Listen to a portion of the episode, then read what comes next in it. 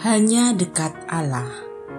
30 Juli 2021 Bekerja sama dengan pencuri. Amsal 29 ayat 23 Siapa menerima bagian dari pencuri membenci dirinya.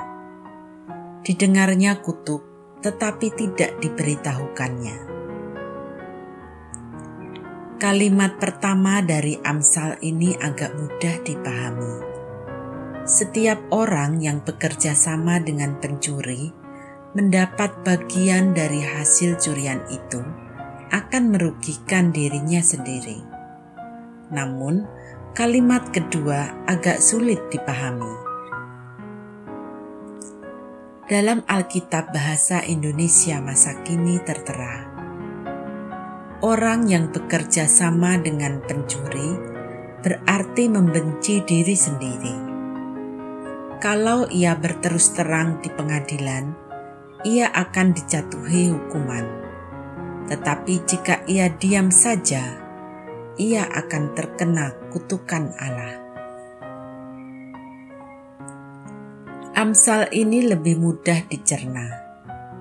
Yang bekerja sama dengan pencuri akan dijatuhi hukuman. Kita punya peribahasa, sepandai-pandai tupai melompat, sekali waktu jatuh juga. Artinya, sehebat-hebatnya pencuri, sekali waktu akan tertangkap. Ada juga peribahasa, sepintar-pintarnya bangkai ditutupi, baunya tetap tercium juga.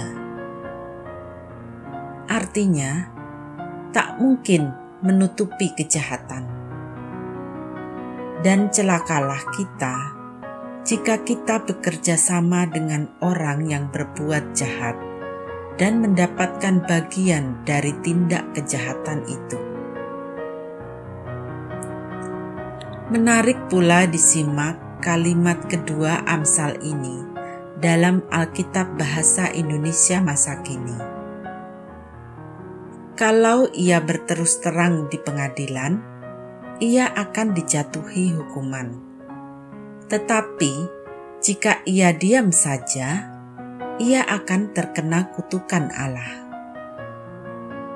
Jelaslah, mengaku atau tidak mengaku, sama-sama bermuara pada hukuman bisa pada kehidupan kini, juga bisa pada kehidupan nanti. Intinya, jangan bekerja sama dengan pelaku kejahatan.